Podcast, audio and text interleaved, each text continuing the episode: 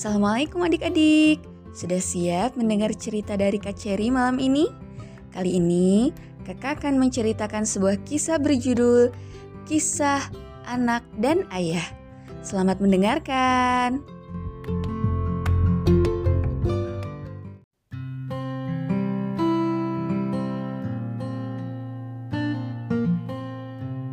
Kisah Anak dan Ayah Di suatu sore, seorang anak datang kepada ayahnya yang sedang membaca koran. Ayah, ayah, kata sang anak. Ada apa? Tanya sang ayah. Aku capek, sangat capek. Aku capek karena aku belajar mati-matian untuk mendapat nilai bagus, sedangkan temanku dapat nilai bagus dengan menyontek. Aku mau menyontek saja. Aku capek, sangat capek. Aku capek karena aku harus membantu ibu membersihkan rumah. Sedangkan temanku punya pembantu. Aku ingin kita punya pembantu saja. Aku capek, sangat capek. Aku capek karena aku harus menabung. Sedangkan temanku bisa terus jajan tanpa harus menabung. Aku ingin jajan terus. Aku capek, sangat capek ya. Karena aku harus menjaga lisanku untuk tidak menyakiti. Sedangkan temanku enak saja berbicara sampai aku sakit hati.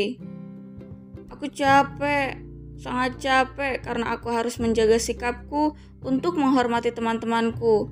Sedang teman-temanku seenaknya saja bersikap kepadaku. Aku capek, ayah. Aku capek menahan diri. Aku ingin seperti mereka. Mereka terlihat senang Aku ingin bersikap seperti mereka, ayah. Sang anak pun mulai menangis.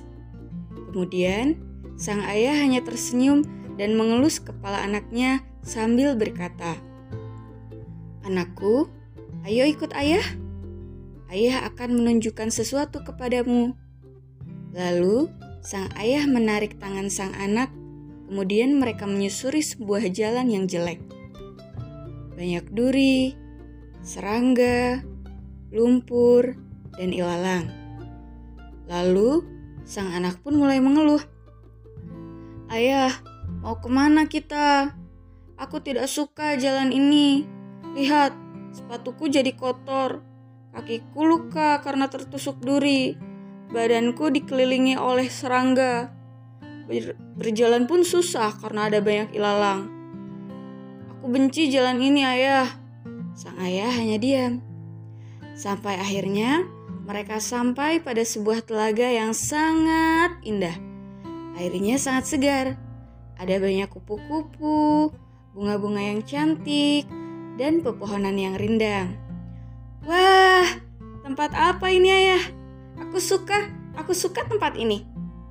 Sang ayah hanya diam dan kemudian duduk di bawah pohon yang rindang beralaskan rerumputan hijau.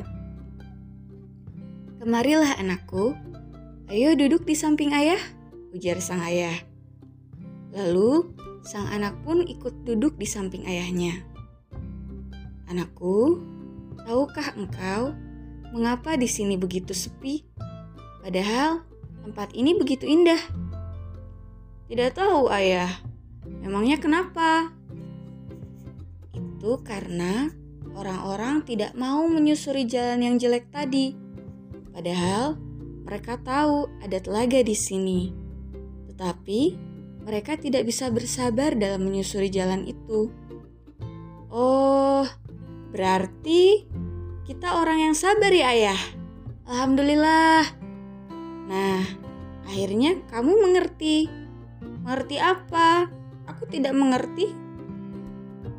Anakku, butuh kesabaran dalam belajar, butuh kesabaran dalam bersikap baik, butuh kesabaran dalam kejujuran, butuh kesabaran dalam setiap kebaikan agar kita mendapat kemenangan seperti jalan yang tadi.